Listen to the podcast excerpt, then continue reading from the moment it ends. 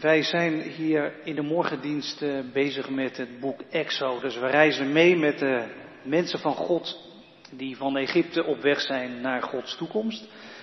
Eh, we lezen vandaag uit een hoofdstuk waar we al eerder uit gelezen hebben, hoofdstuk 16.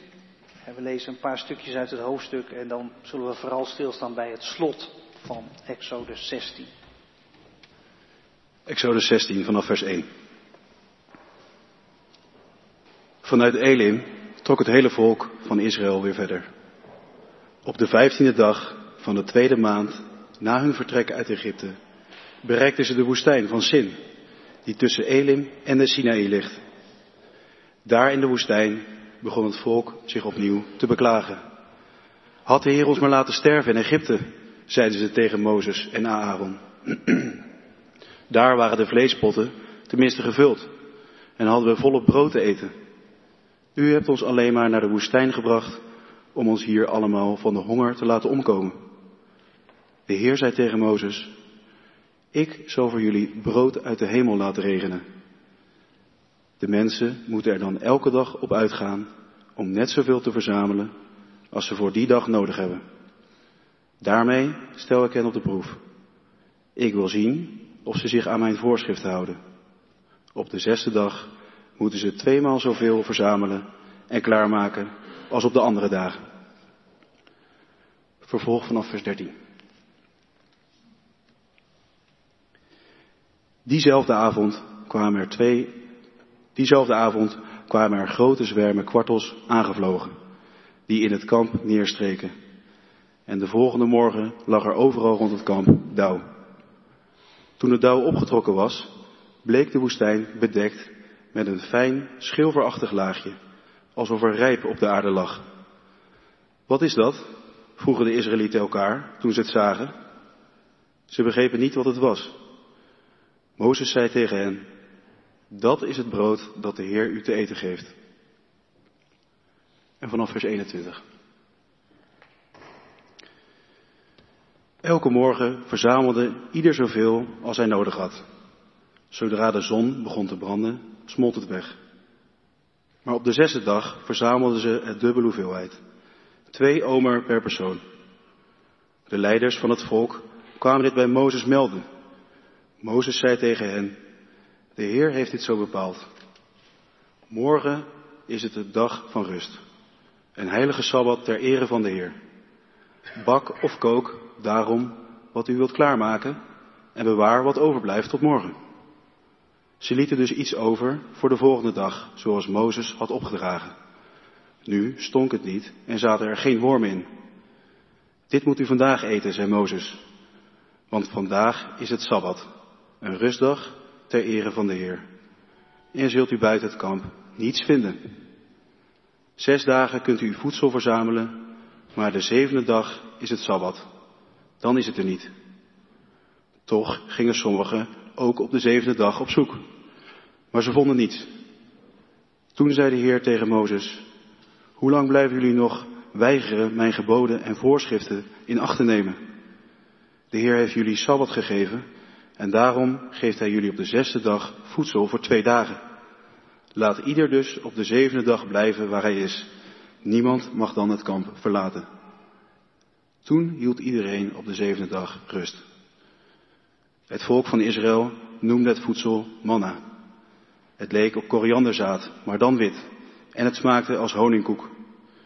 Mozes zei, de Heer heeft het volgende bevolen. Er moet één volle omer bewaard blijven voor de generaties die na jullie komen. Want zij moeten het brood kunnen zien dat ik jullie in de woestijn te eten heb gegeven toen ik jullie uit Egypte leidde. Daarom zei Mozes tegen Aaron, doe een volle omer manna in een kruik en leg die op de plaats waar de Heer wordt vereerd, om het manna daar voor de komende generaties te bewaren. Zoals de Heer Mozes had opgedragen, legde Aaron de kruik neer voor de verbondstekst, om het manna daar te bewaren. Veertig jaar lang aten de Israëlieten manna, tot ze in bewoond gebied kwamen. Zij aten manna tot ze de grens van Kana bereikt. Een omer is een tiende Eva. Dit is het woord van God. Ja, dat is natuurlijk een beetje een cryptisch zinnetje aan het eind. Een omer is een tiende Eva. Wij weten ook niet wat een Eva is. Voor de lezers toen was dat een verheldering. Maar een omer of een tiende Eva, dat is ongeveer 4 kilo, een kleine 4 kilo. Dus dan weet u dat ook. Gemeente van Jezus Christus, vandaag keren wij terug naar een eerdere stop die de mensen van God hebben gemaakt in de woestijn tijdens hun reis op weg naar Gods toekomst. De stop in de woestijn Sin.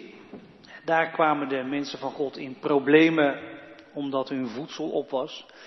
En daar begonnen ze dus te klagen over God, over Gods betrokkenheid. En het bijzondere in deze geschiedenis is dus dat God luistert naar zijn mensen en laat zien dat hij wel betrokken is, dat hij zorgt. Hij zorgt voor voedsel, vlees en brood. En in deze geschiedenis gaat het vooral over dat brood waar God voor zorgt. Want in de ochtendschemering van de vroege morgen liggen er korreltjes op de woestijngrond. Wit, zoet, daar kunnen ze brood van maken. Het is de zorg van God.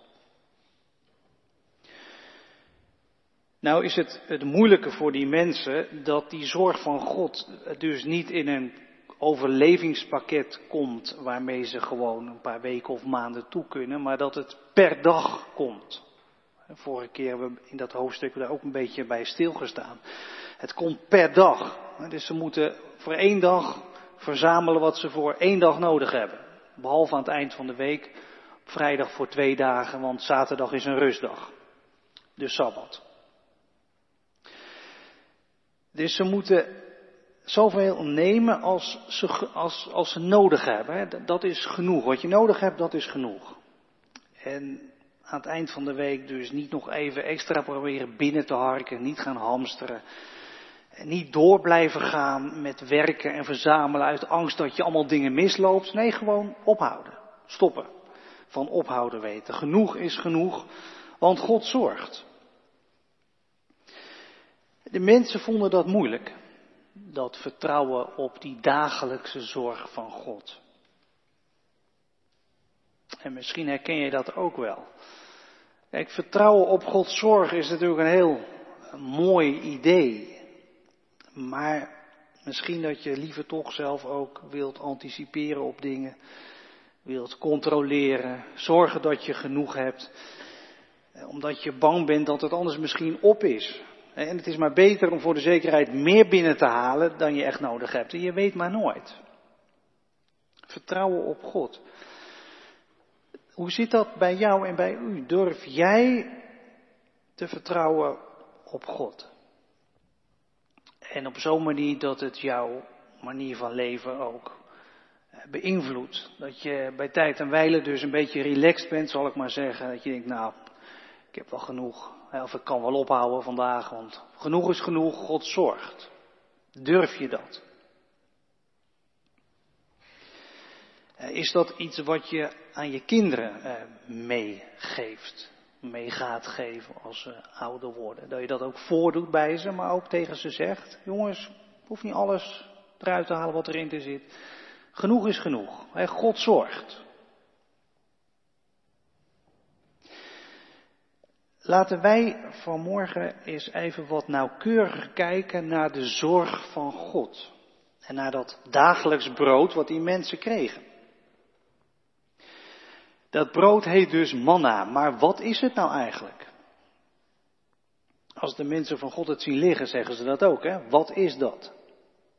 In het Hebreeuws klinkt dat zo, manhu. Dat is, wat is dat in het Hebreeuws? Manhu. En zo is het dus ook gaan heten, manhu, manna. In het Nederlands zou je dan uh, zeggen dat het uh, wasda heet of zo. Van uh, wat is dat, weet je wel? Wasda, manna. Maar goed, wat is het, dat manna? Ja, er wordt verteld aan het eind van het hoofdstuk dat het leek op korianderzaad, dus het zijn korreltjes. Maar dan wit. Dat het de smaak heeft van honingkoek, dus ja, dat doet weer denken aan, aan de beschrijving van het land van Gods toekomst. Dat zou een land zijn van honing en, en melk. Dus dat manna, die dagelijke zorg voor God onderweg, die smaakt naar Gods toekomst. En hoewel het wel een wat wonderlijk gebeuren is met de houdbaarheid voor één dag en aan het eind van de week dan voor twee dagen, zou het toch wel heel goed om een, om een heel gewoon natuurverschijnsel kunnen gaan. Er zijn heel wat uitleggers van dit Bijbelgedeelte die erop wijzen dat je in de regio waar zij toen reisden, dat je in die regio nog steeds zoiets kunt vinden. Een afscheiding van een bepaald soort bladluis, witte korreltjes die inderdaad zoet smaken, die mensen verzamelen, waar je een soort brood van kunt maken en wat ook niet lang houdbaar is. Iets gewoons, zou je kunnen zeggen. De mensen van God die kennen het niet, die hebben dat nog niet eerder gezien, dus die vragen wat is dat? En dan zegt Mozes dus, dit is het brood dat de Heer u gegeven heeft. Dus Mozes leert Gods mensen in die woestijn om dit voor hun onbekende, maar verder gewone natuurverschijnsel, om dat te herkennen als de zorg van God. wat is dat? Dit, dit is de zorg van God. Ik weet niet of jij je dat nog wel eens afvraagt hè, bij gewone goede dingen, dagelijkse goede dingen die je tegenkomt, die je krijgt, dat je dan zegt, wat is dat? Of consumeer jij gewoon gedachteloos alle goede dingen zonder daar verder nog aandacht aan te geven? Kleine kinderen die vragen dat wel heel vaak natuurlijk, hè? wat is dat? Kinderen die staan nog met verwondering in het leven. Zij zien nog dingen die, die wij al lang niet meer zien soms.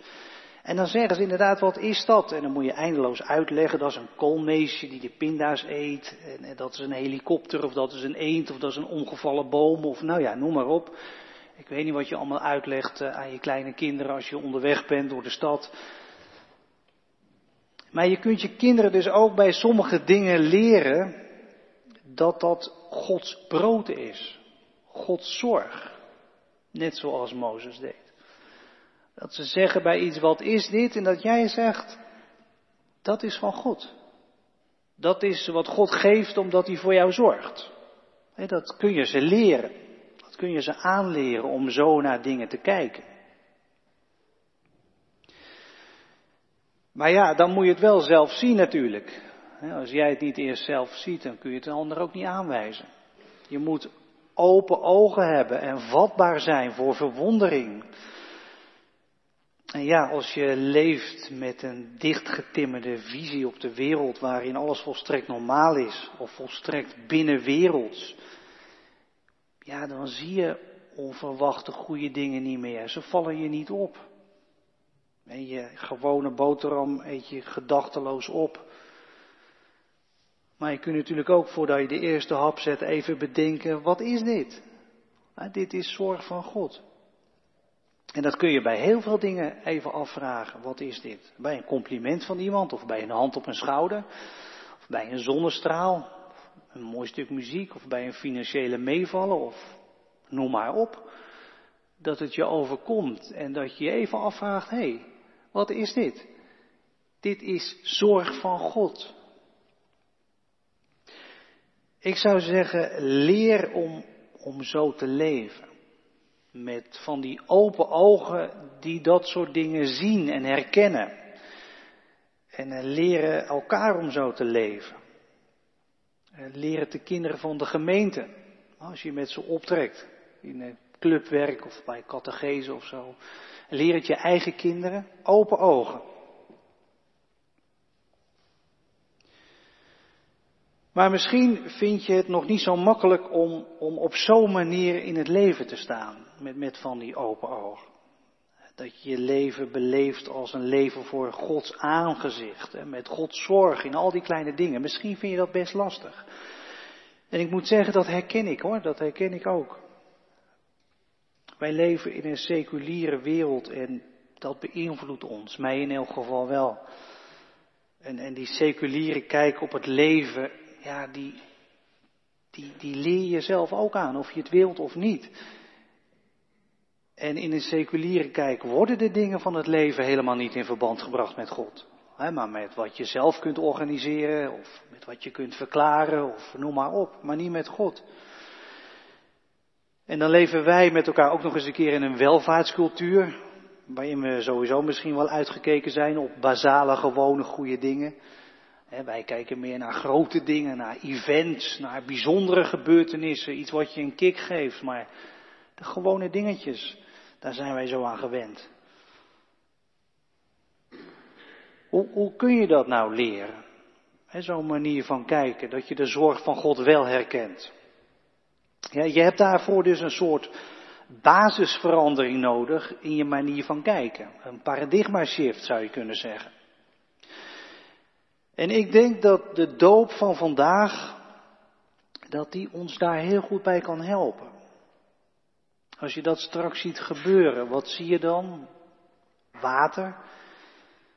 En dat water, dat, dat is bedreigend water. Dat staat voor water waarin mensen ondergaan. Het doopwater is symbool van, van chaos, van dood, van mislukking, van schuld. Van het zwarte waar elk mens mee te dealen heeft in het leven. Elk mens. Het kwaad waar je in je eentje vaak ook niet meer uitkomt. En waar je uiteindelijk ook in ondergaat als God er niks aan doet. En de doop als je straks ziet, let erop, de doop zegt dat God in Jezus komt om dat water van ons in te stappen. En Jezus ging erin onder. En hij kwam weer boven toen hij opstond uit de dood. Daar staat het symbool voor. En de doop zegt dat Jezus je meeneemt. Dat hij jouw volgeling van Jezus uit het water haalt en naar de overkant brengt. De overkant van Gods nieuwe leven, de overkant van Gods wereld. Dus de doop zegt tegen jou, gedoopt mens, en tegen je kinderen, jij bent een mens waar Gods geest elke dag nieuw leven binnenbrengt. Het nieuwe leven van de overkant. Jij hoort bij Gods nieuwe wereld bij het nieuwe leven. Jij bent een mens waar God elke dag nieuwe kansen binnenbrengt. Vergeving, een nieuw begin, zorg. En, en dat zou je kunnen zeggen is het grote plaatje. Jij bent een mens gered door de betrokkenheid van God en omringd door de betrokkenheid van God. Zo'n mens ben jij. Dat zegt de doop. En als je dat grote plaatje van de doop nou gebruikt als bril om mee naar de wereld te kijken om je heen, dan kan dat je heel goed helpen om, om tekenen van Gods betrokkenheid te herkennen in, in gewone kleine dingen. Jij, een mens, omringt door Gods betrokkenheid. En als je om je heen kijkt, dan, dan zie je het soms ook. Dan herken je het. En, en hoe beter je erop let, hoe, hoe meer je misschien ook wel herkent. Al die dagelijkse goede dingen, die, die smaken zoet, die, die smaken naar de overkant, naar Gods toekomst. En als je die bril van het grote verhaal van de doop opzet, dan, dan zie je dat, dan herken je dat als volgeling van Jezus.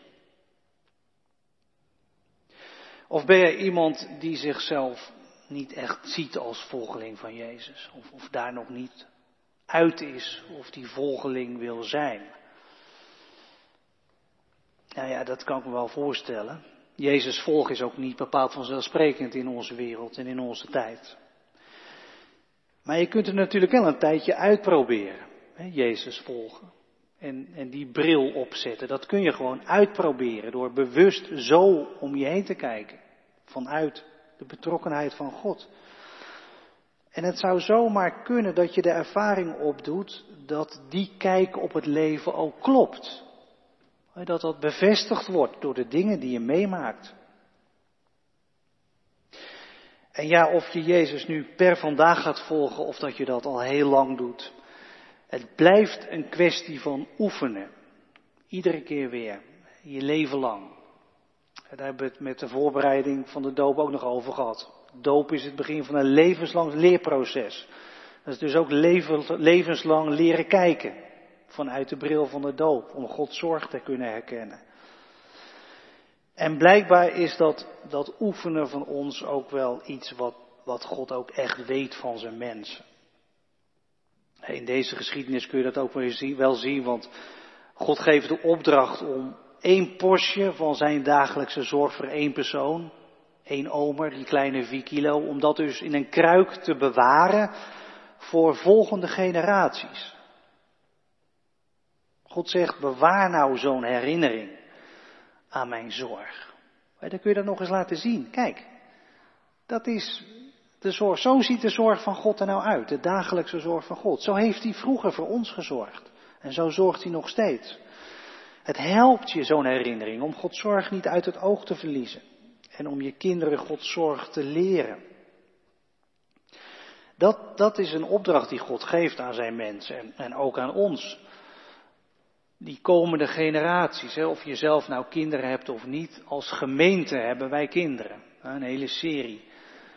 En die kun je ook gewoon tegenkomen na een dienst of in jeugdwerk als je daarin bezig bent.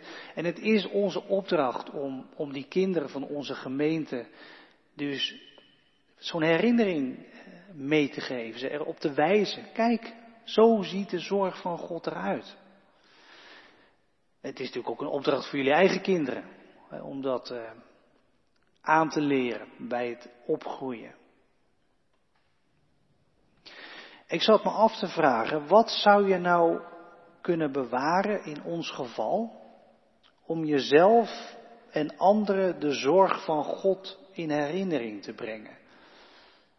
Kun jij, kunt u ook een, een omer van Gods zorg bewaren en als herinnering paraat hebben, om daar nog eens naar te kijken of over te praten zelf met een ander. Als je daar even over nadenkt, kun je iets bedenken wat jij kunt bewaren, wat je kunt doorgeven? Heb je een speciale herinnering aan de zorg van God?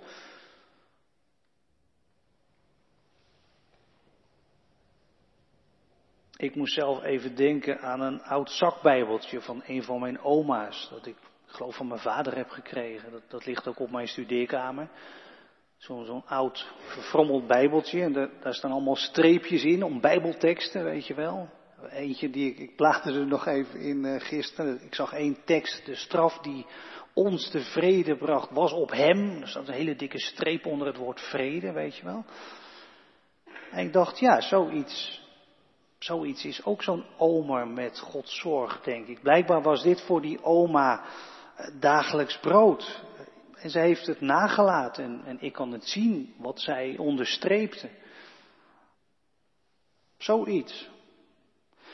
Of ja, ik, ik weet niet of je tegenwoordig nog uh, fotoalbums maakt met, uh, met onderschriften bij de foto's. Bedoel, uh, kun je bij de HEMA ook onderschriften erbij laten zetten? Vast wel, hè? Ja. Nou ja, dan kun je natuurlijk bij zo'n foto zetten, onverwacht bloemetje van de buurman. Je kunt er ook bij zetten, knipoog van God. Weet je wel? Het is dezelfde foto van die keer dat je er doorheen zat en dat er opeens iemand met een bloemetje stond en je dacht van, nou, wat geweldig. Maar dan kun je ook best uh, bij de HEMA knipoog van God onder laten zetten natuurlijk. En, en als je dat fotoalbum uh, later nog eens inkijkt, of, of als het die van je kinderen is en die kijkt daarin, die, die zien dat gewoon, weet je wel, Gods zorg. Nou ja, bedenk maar iets zou ik zeggen. Verhalen die je kunt vertellen. Vertel ze aan elkaar. Eh, op de Bijbelkring, als je dit Bijbelgedeelte gaat bespreken met elkaar. Ik zou zeggen, doe even een rondje omers, zal ik maar zeggen. En, en vertel elkaar gewoon eens uh, een voorbeeld van die zorg van God. En waar ik ook nog wel aan moest denken, is, is aan, aan goede gewoonten in, in je dagelijkse leven. Die Gods zorg in herinnering brengen. Neem bijvoorbeeld zondag, hè, dan heb je toch vrij. Daar kun je heel makkelijk ook een, een vrolijke dag van maken natuurlijk. En met een taartje bij de koffie. Waarom? Om te vieren dat God voor ons zorgt. En dat je één dag in de week ook gewoon eigenlijk even niks hoeft te doen. Want God zorgt. Kijk, als je zoiets doet, dat helpt jezelf. Maar, maar als je kinderen hebt, of, of mensen, huisgenoten, die zullen zich dat ook wel herinneren. Oh ja, op zondag eh, aten wij een taartje, eh, want dan vieren we dat God zorgt. Nou, zulke soort dingen. Bedenk maar iets en, en doe het, zou ik zeggen. Vier de zorg van God. Daar word je blij van. En dankbaar. En, en het helpt je om steeds meer te herkennen van die zorg van God. En weet je, dat helpt je ook om, om zelf en met je kinderen te leven in vertrouwen op God. Maar ik zei net al, dat is heus niet altijd makkelijk. Maar als je die zorg viert, deelt, ziet, dan gaat het steeds beter. Dan hou je dat vol. Leven van de zorg van God. Wij teren op het brood van God gegeven, dat mededeelzaam is en kracht geeft en nieuw leven. Amen.